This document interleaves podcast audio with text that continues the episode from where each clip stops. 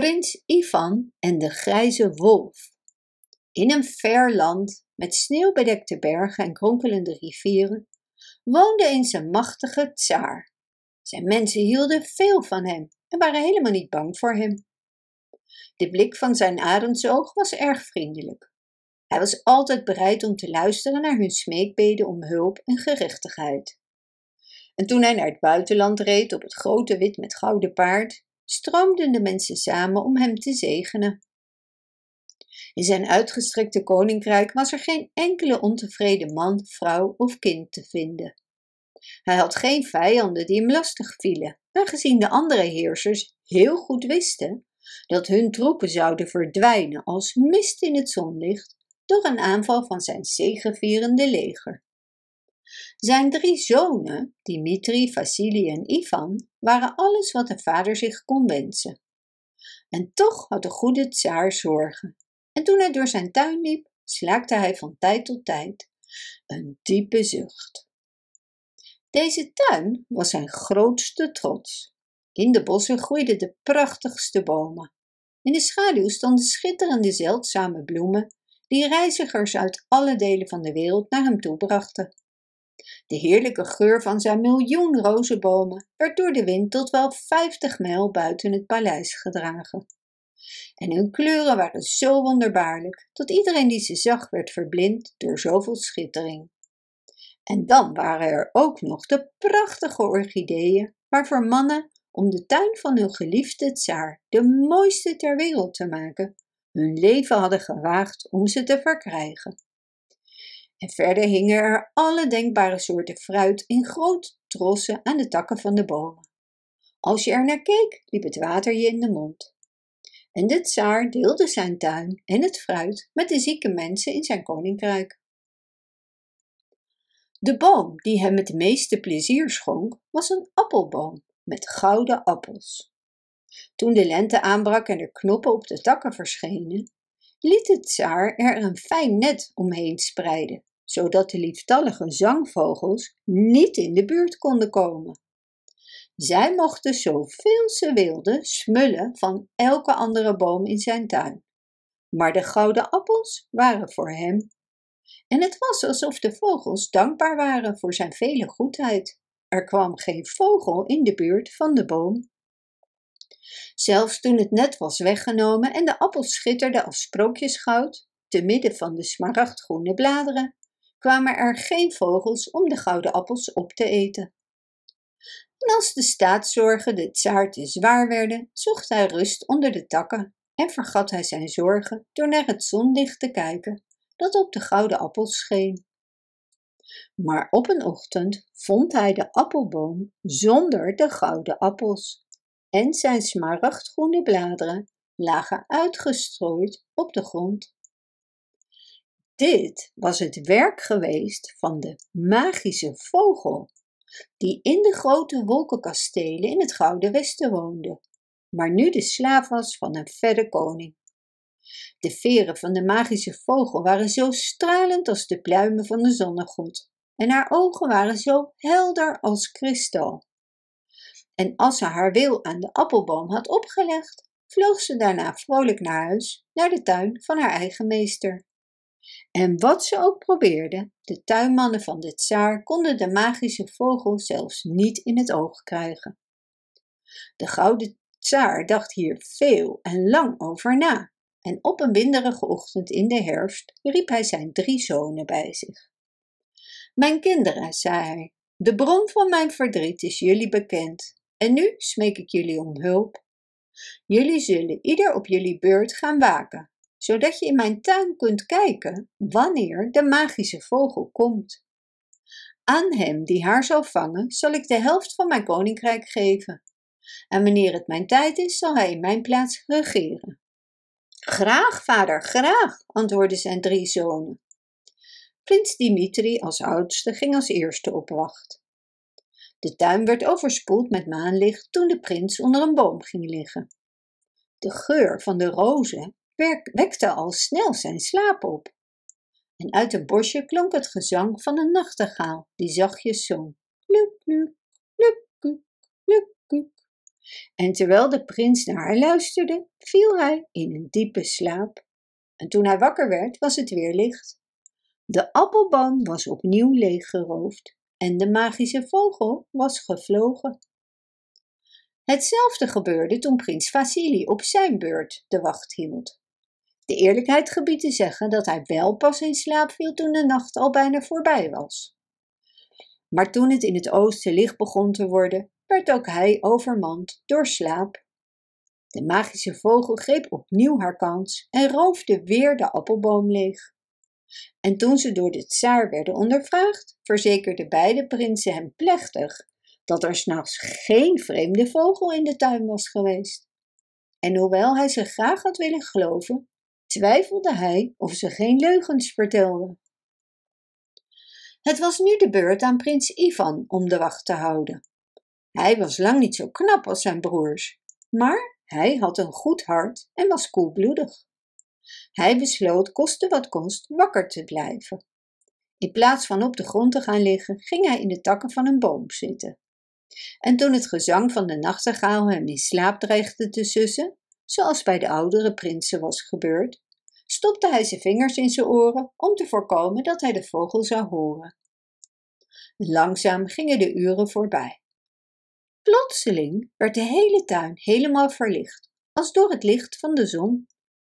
Met lichtstralen die uit elk van haar gouden veren flitsten, vloog de magische vogel naar beneden en begon in de glimmende appels te pikken.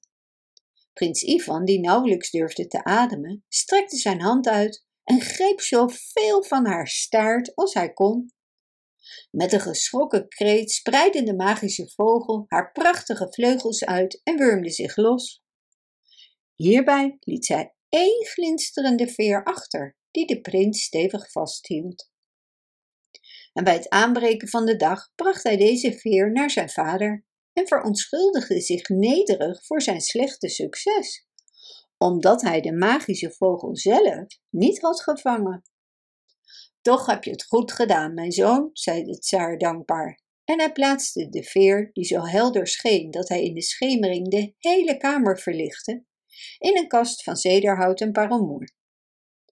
De magische vogel kwam niet meer naar de paleistuin en er werden geen gouden appels meer uit de kostbare boom geroofd. Maar de tsaar was niet tevreden. Hij verzuchtte dat hij de vogel die hem had beroofd wilde hebben. En nogmaals riep hij zijn drie zonen bij zich. Mijn kinderen, zei hij, ik ben ziek van verlangen naar de magische vogel. Ik smeek jullie haar te zoeken en haar bij mij te brengen. Ik heb jullie al beloofd dat dan de helft van het koninkrijk van jullie zal worden. De prinsen stemden graag toe, elk verlangend om de magische vogel te vinden. Alleen prins Ivan wilde zijn vader echt een plezier doen. Zijn broers dachten alleen aan hun eigen rijkdom en eer. Deze jongste zoon was de vorst zo dierbaar dat hij niet graag afscheid van hem nam toen de tijd daar was. Maar de jongeling stond erop. Zal niet lang duren, lieve vader, riep hij uit. Ik zal spoedig terugkeren met de magische vogel die jij zo graag wilt hebben. Prins Ivan nam het snelste paard uit de keizerlijke stallen en reed dagenlang door. Eindelijk kwam hij bij een kaal veld en in het midden hiervan stond een blok ruwe, grijze steen. En op de steen stond een vreemd vers geschreven. Hongerig en koud zal de man zijn die trots naar mij toe rijdt. Van links rijden betekent dood en verdriet, hoewel zijn paard nog vele dagen verder zal leven. Wie van rechts rijdt, zal alle goede dingen hebben. Maar voordat er drie dagen voorbij gaan, zal zijn paard vallen. Prins Ivan maakte zich grote zorgen bij de gedachte zijn paard te verliezen. Maar van rechts rijden leek hem toch de verstandigste koers. Dus deed hij dat. En zijn paard liep zo snel dat hij de grijze steen al snel ver achter zich had gelaten. Op de derde dag, toen hij de rand van een somber bos passeerde, sprong een grote grijze wolf uit het struikgewas. Hij vloog op de keel van het paard af, wierp hem op de grond en doodde hem, ondanks Ivans dappere poging om hem te verslaan. Ivan wilde nu de grijze wolf doodsteken met de dolk die zijn vader hem als afscheidscadeau had gegeven. Maar voordat hij kon opstaan van de plek waar hij was neergegooid, sprak de grote grijze wolf deze woorden. Spaar mij, wijze prins, smeekte hij nederig. Ik heb alleen maar gedaan wat mij was opgedragen. Mijn dood zal jou je paard niet teruggeven. Als je mijn leven spaart, zal ik voor altijd je vriend zijn en je over de wereld dragen. Prins Ivan zag in dat hij niet zou winnen door wraak te nemen. En omdat hij zijn zoektocht wilde vervolgen, accepteerde hij het aanbod van de wolf om zijn paard te zijn. Vertel me waar je heen wilt, beste meester, zei de grijze wolf. En inderdaad, toen hij het doel van de reis van prins Ivan hoorde, galoppeerde hij nog sneller dan het paard had gedaan.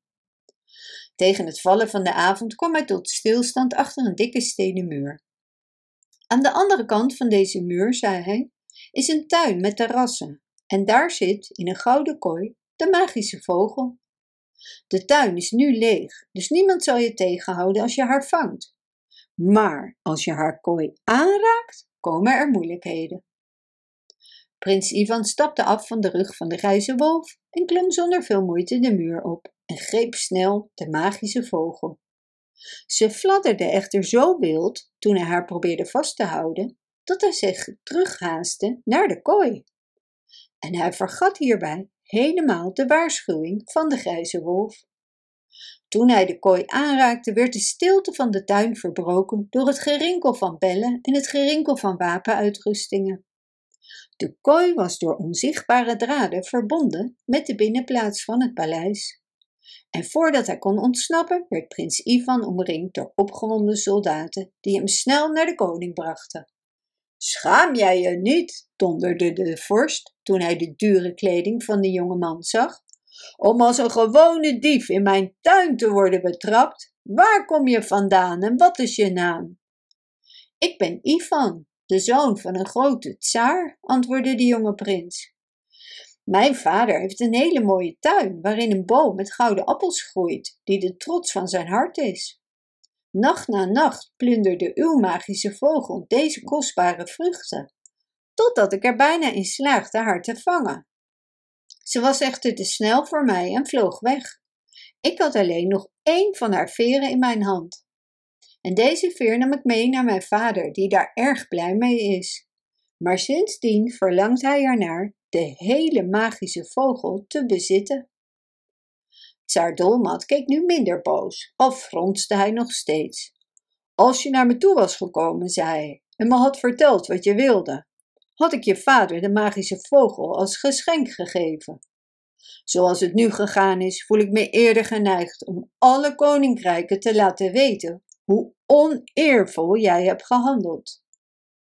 Prins Ivan boog beschaamd het hoofd en na een onderzoekende blik op hem geworpen te hebben, vervolgde de tsaar zijn toespraak. Je zult vrij uitgaan, jonge prins, zei hij, als je me een dienst wilt bewijzen.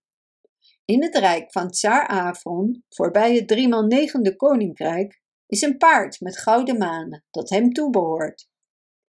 Dat paard wil ik graag hebben. Als je het wilt kopen en het hier bij mij wilt brengen, zal ik je de diefstal van de magische vogel vergeven en haar als een bewijs van eer aan je aanbieden. Prins Ivan beloofde zijn best te doen, maar hij had niet veel hoop toen hij zich weer bij de grijze wolf voegde, die geduldig buiten de muur op hem wachtte. Toen Ivan de grijze wolf de reden bekende die tot zijn gevangenneming had geleid, klopte de grijze wolf met één ruwe poot op zijn schouder. Er is een wijs man voor nodig, merkte hij op, om zichzelf ongelijk te geven. Dus we zullen er maar niets meer over zeggen. Spring weer op mijn rug en ik zal je meenemen naar het wijdverbreide rijk van Tsar Afron, voorbij het driemaal negende koninkrijk. De grijze wolf rende zo snel dat Ivan het land waar ze doorheen gingen nauwelijks kon zien. En na vele nachten en dagen te hebben gereisd, bereikten ze eindelijk het doel van hun reis. De marmeren stallen van de tsaar schenen mooi en statig in het ochtendlicht. En door een deur die half open was gelaten, baande prins Ivan zijn weg naar binnen. Het paard met de gouden manen voedde zich met het gele stuifmeel dat de bijen verzamelden van hoge witte lelies en staarde prins Ivan hooghartig aan toen hij dichterbij kwam. Prins Ivan greep zijn gouden manen stevig vast en leidde hem de stal uit. De grijze wolf had hem meer dan eens gewaarschuwd om niet te proberen het gouden hoofdstel dat boven de deur hing te pakken. Maar toen de prins de stal verliet, bedacht hij plotseling hoe nuttig dit hoofdstel zou zijn. Hij draaide zich om, strekte zijn hand uit en raakte het hoofdstel aan. En meteen toen hij dat deed, loeiden de klokken door het hele paleis. Want net als de kooi van de magische vogel was het hoofdstel vastgemaakt aan onzichtbare draden met de binnenplaats van het paleis. De stalbewakers kwamen haastig en verschrikt naar binnen. En toen ze prins Ivan zagen, grepen ze hem boos vast en brachten hem naar hun meester. Tsaar Afron was nog verontwaardigder dan Tsaar Dolmat was geweest over de poging van de prins om hem te beroven. En toen hij hem had ondervraagd over zijn geboorte en positie, werd zijn gezicht nog strenger. Is dit de daad van een dappere ridder? vroeg hij met vernietigende minachting. Ik heb veel respect voor de naam van je vader, en als je openlijk en te goeder trouw naar me toe was gekomen, had ik je graag mijn paard met gouden manen gegeven.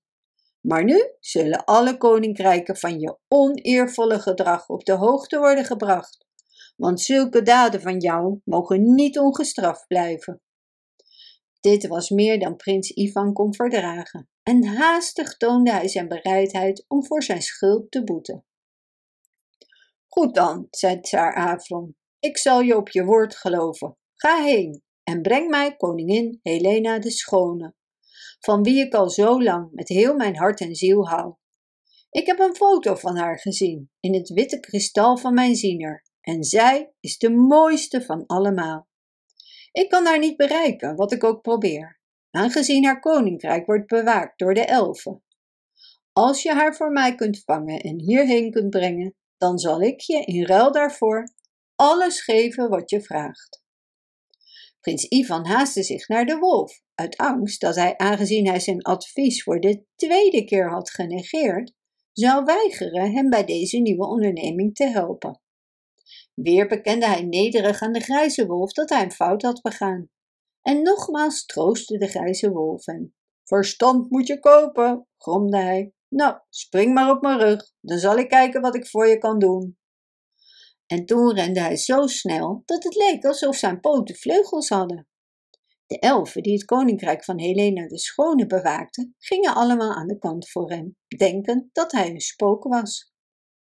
En toen hij bij het gouden stroompje kwam dat grensde aan de magische tuin van de koningin, zei hij tegen prins Ivan dat hij nu moest afstijgen. Ga terug langs de weg die we zijn gekomen, beval hij, en wacht op me in de schaduw van de grote eik die we zojuist passeerden. Prins Ivan deed wat hem was opgedragen, en de grijze wolf hurkte onder een jeneverbesstruik en wachtte tot de avond viel. Toen het licht met de zonsondergang verdween en de bleke kleine maan langzaam over de bergtoppen rees, liep koningin Helena haar tuin in. En ze was zo mooi en lief om naar te kijken, dat zelfs het hart van de grijze wolf zacht werd. Hij wenste dat ze een betere partner zou krijgen dan de strenge tsaar Afron, die zelfs in zijn liefde niet wist hoe hij zachtaardig moest zijn. Na een poosje naderde ze het beekje en wikkelde een sjaal van witte zijde om haar sierlijke nek, zodat ze het niet koud zou krijgen door de avondbries. Vrees niet, lieve dame, ik zal je geen kwaad doen, riep de grijze wolf, terwijl hij uit zijn schuilplaats sprong en de stroom overstak. Hij hield haar teder vast aan haar sjaal, sprong terug naar de andere kant en galoppeerde met haar naar de prins die onder de grote eik wachtte. Toen de koningin en de prins elkaar zagen, was het alsof er een sluier van hun ogen was gevallen. Nooit had de wereld er zo mooi uitgezien. En terwijl ze elkaar in de zachte schemering aanstaarden, verdween de angst van de koningin helemaal. En wat prins Ivan betreft, hij wist vanaf dat moment dat ze bestemd was zijn vrouw te worden. Toen ze samen op de rug van de grijze wolf weggereden, voelde hij al dat ze van hem was. De reis was maar kort en al snel doemde het paleis van Tsaar Afron voor hen op. Waarom huil je? vroeg de grijze wolf toen hij de tranen van de koningin op zijn kop voelde. Koningin Helena kon geen antwoord geven, maar de woorden van prins Ivan stroomden eruit als een razende vloed.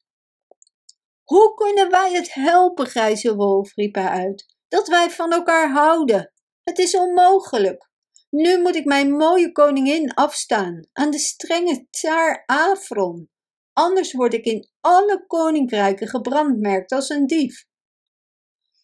Ik heb mijn belofte gehouden, prins Ivan, zei de grijze wolf, en ik heb je goed geholpen, maar ik zal nog meer voor je doen.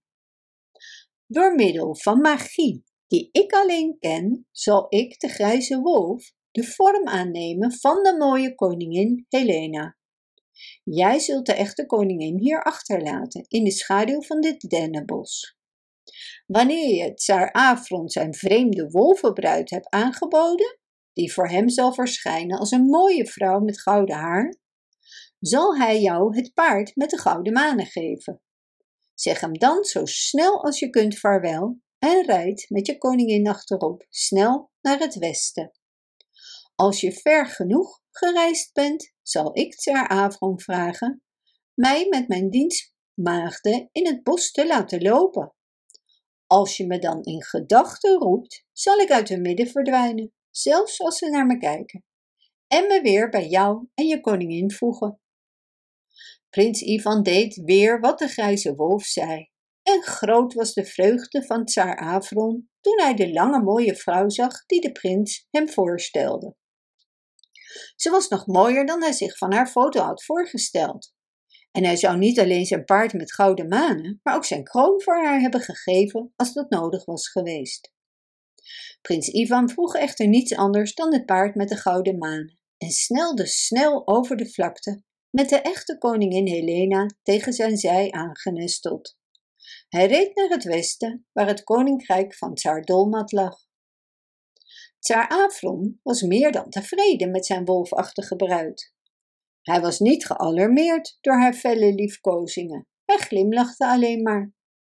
Hij dreigde wel haar te doden als haar liefde voor hem ook maar een enkel moment zou wankelen. Op de vierde dag na hun huwelijksfeest klaagde de bruid dat ze het benauwd kreeg in het koninklijk paleis. Als ik in de weide zou mogen wandelen, zei ze, zou de koele frisse lucht mijn geest verfrissen. Ik zou me dan beter voelen en ik zou weer kunnen lachen met mijn heer. Dus liet het tsaar haar met haar dienstmaagden in de weide lopen. En precies op dat moment flitste de gedachte aan de grijze wolf door het hoofd van prins Ivan.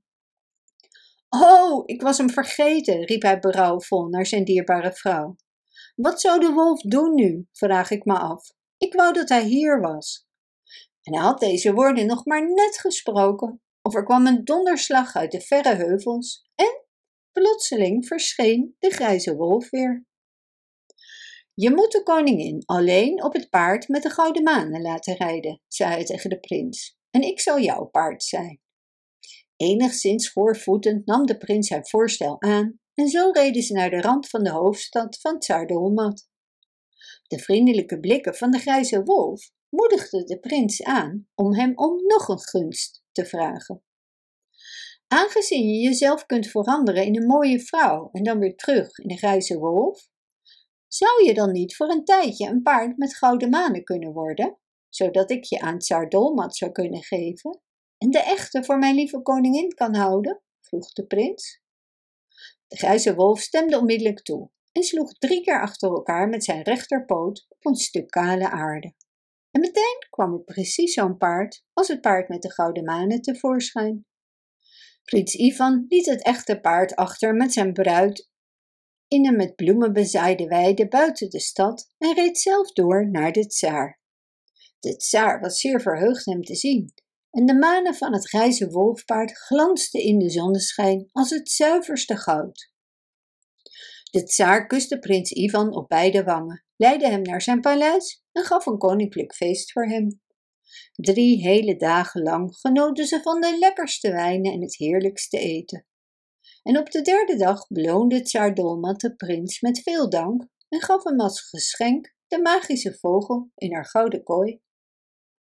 Prins Ivan wist nu dat zijn zoektocht voorbij was en snel begaf hij zich terug naar de koningin. Hij maakte de kooi van de magische vogel vast om de nek van het paard met de gouden manen en reed met haar naar het koninkrijk van zijn vader. De volgende middag vroeg kregen ze gezelschap van de grijze wolf. Tsar Dolmat was met zijn pas verworven schat in een open veld gaan rijden en was door het valse paard op de grond gegooid. Hij had heel veel pijn en het grijze wolfpaard galoppeerde weg omdat de grijze wolf een goede vriend voor hem was geweest, kon prins Ivan zijn verzoek niet weigeren toen hij vroeg om hem te mogen dragen. Dus zat de koningin opnieuw alleen op het paard met de gouden manen. En zo reden ze verder tot ze bij de plaats kwamen waar de grijze wolf het paard had gedood dat prins Ivan uit de stal van zijn vader had meegebracht. Hier kwam de vreemde grijze wolf plotseling tot stilstand. Ik heb alles gedaan wat ik heb gezegd, en meer, zei hij tegen de prins. Nu ben ik niet langer uw dienaar. Ik neem afscheid. En hij galoppeerde terug naar het sombere bos waar hij voor het eerst vandaan was gekomen. Het verdriet van prins Ivan was groot toen de grijze wolf afscheid nam. Maar de vreugde van het gezelschap van de koningin was nog groter en hij vergat al spoedig zijn verlies. Toen hij in het zicht van het rijk van zijn vader kwam, stopte hij bij de schaduw van een groepje dennenbomen. Hij zette de kooi met de magische vogel en het gouden hoofdstel in de schaduw. Hij tilde zijn mooie koningin op en legde haar te rusten op een bed van varens. Ze waren moe van hun lange reis. En al snel vielen ze, zacht mompelend als duiven in hun nest, in slaap. Nu was het prins Dimitri en prins Vasili slecht vergaan op hun reizen. En zij keerden met lege handen terug naar het paleis. Ze waren droevig en uit hun humeur. Maar toen kregen ze de slapende gedaantes en de gouden kooi en het hoofdstel in het oog. Het paard met de gouden manen slenterde rustig om hen heen. En terwijl ze hem verbaasd aanstaarden, nam de boze geest van afgunst bezit van hen. Al snel kwam de gedachte op om hun broer te doden. Ze keken elkaar aan en toen trok prins Dimitri zijn zwaard en stak het dwars door prins Ivan terwijl hij sliep. De prins stierf zonder een woord en toen de koningin wakker werd, vond ze hem levenloos. Wat hebben jullie gedaan? snikte ze tegen de schuldige prinsen. Als jullie hem in een eerlijke strijd hadden ontmoet en hem zo hadden gedood, had hij op zijn minst zichzelf kunnen verdedigen. Maar jullie zijn lafaards en nog eens lafaards, alleen geschikt als voedsel voor de raven. Tevergeefs huilden en protesteerden ze, terwijl de prinsen loten om de bezittingen van hun overleden broer.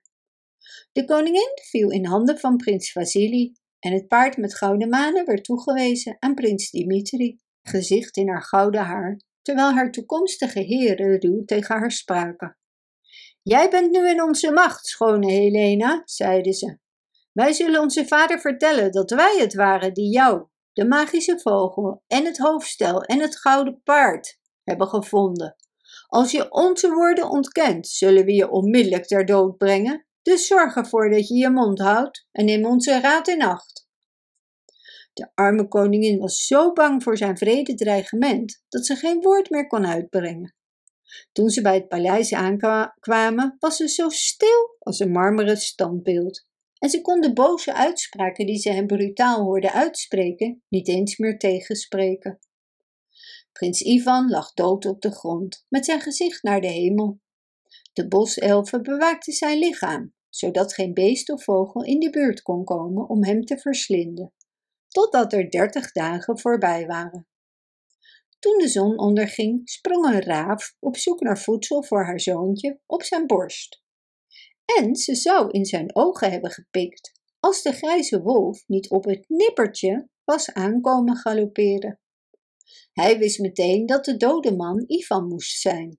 En als hij op de jonge vogel was gesprongen, zou hij deze meteen in zijn woede hebben verscheurd. Raak mijn kleine vogeltje niet aan, o felle grijze wolf, smeekte de moeder meelijwekkend. Het heeft je geen kwaad gedaan en verdient geen kwaad van jou. Luister goed, antwoordde de grijze wolf. Ik zal het leven van je vogeltje sparen. Als je wegvliegt voorbij het driemaal negende koninkrijk en mij het water des doods en het water des levens brengt, uit de kristalstroom van waaruit ze naar de grote voor altijd stromen. Ik zal doen wat je wilt, riep de raaf. Kom alleen niet aan mijn zoontje. En terwijl ze sprak, snelde ze weg. Drie dagen en drie nachten waren verstreken voordat ze terugkeerde naar de grijze wolf met twee kleine flesjes. In de ene zat het water des levens en in de andere het water des doods. Toen de grijze wolf de flesjes van haar aannam, slaakte hij een kreet van triomf. En, met één beet van zijn tanden, beet hij de jonge raaf in tweeën en scheurde hem aan stukken voor de verschrikte ogen van zijn moeder. Nadat hij dit had gedaan, brak hij een van de flesjes. En toen hij drie druppels van het water des doods op de gedode vogel had gesprenkeld, groeide onmiddellijk zijn verscheurde lichaam weer aan elkaar. Toen raakte hij het aan met een paar druppels uit het tweede flesje, en het kleine beestje spreidde zijn vleugels en vloog verblijd weg. Zo wist de grijze wolf dat de raaf hem goed had gediend, en hij goot wat er nog over was van de wateren van leven en dood over het lichaam van de dode prins. En binnen enkele ogenblikken kwam het leven weer in de prins tevoorschijn. En hij struikelde overeind en glimlachte naar de grijze wolf. Heb ik lang geslapen? vroeg hij dromerig. Je zou voor altijd hebben geslapen als ik er niet was geweest, was het antwoord van de grijze wolf. En de prins luisterde met bedroefde verbazing toen de grijze wolf hem alles vertelde wat er was gebeurd. En tot slot gaat je broer vandaag met jouw bruid trouwen, zei hij. We moeten ons zo snel mogelijk naar het paleis haasten. Klim op mijn rug en ik zal je nog een keer dragen. En dus galoppeerden ze naar het paleis van de oude tsaar. De grijze wolf nam voor de laatste keer afscheid van prins Ivan toen hij afsteeg bij de grote poorten. De prins haastte zich de feestzaal binnen en daar, eruitziend als een mooi beeld dat was gevormd uit bevroren sneeuw, zat de mooie koning, koningin Helena aan de zijde van prins Vasili. Ze waren net terug van de huwelijksceremonie en alle edelen hadden zich om hen heen verzameld. Toen koningin Helena zag wie de zaal was binnengekomen, kwam haar spraak onmiddellijk weer bij haar terug. En ze vloog met een kreet van vervoering op haar minnaar af en kuste hem op de lippen. Dit is mijn eigen lieve man, riep ze. Ik ben van hem en niet van de slechte prins met wie ik vandaag getrouwd ben. En vanuit de beschutting van Ivans veilige borst vertelde ze de oude tsaar alles wat er was gebeurd en hoe het zijn jongste zoon was geweest die voor haar, het paard met de gouden manen en de magische vogel had gezorgd. De vreugde van de tsaar over de terugkeer van zijn favoriete zoon was groot, maar werd getemperd door zijn verdriet en verbazing over het gedrag van de oudere prinsen. Zij werden in de gevangenis geworpen, waar ze nog steeds wegkwijnen. Prins Ivan en de mooie koningin Helena zijn net zo gelukkig als de dagen lang zijn. En de magische vogel? Die mocht terugkeren naar haar huis in de wolkenkastelen van het Gouden Westen. Bedankt voor het luisteren. Wist je dat je dit verhaal ook op onze website ririro.com/nl kunt lezen, downloaden en printen?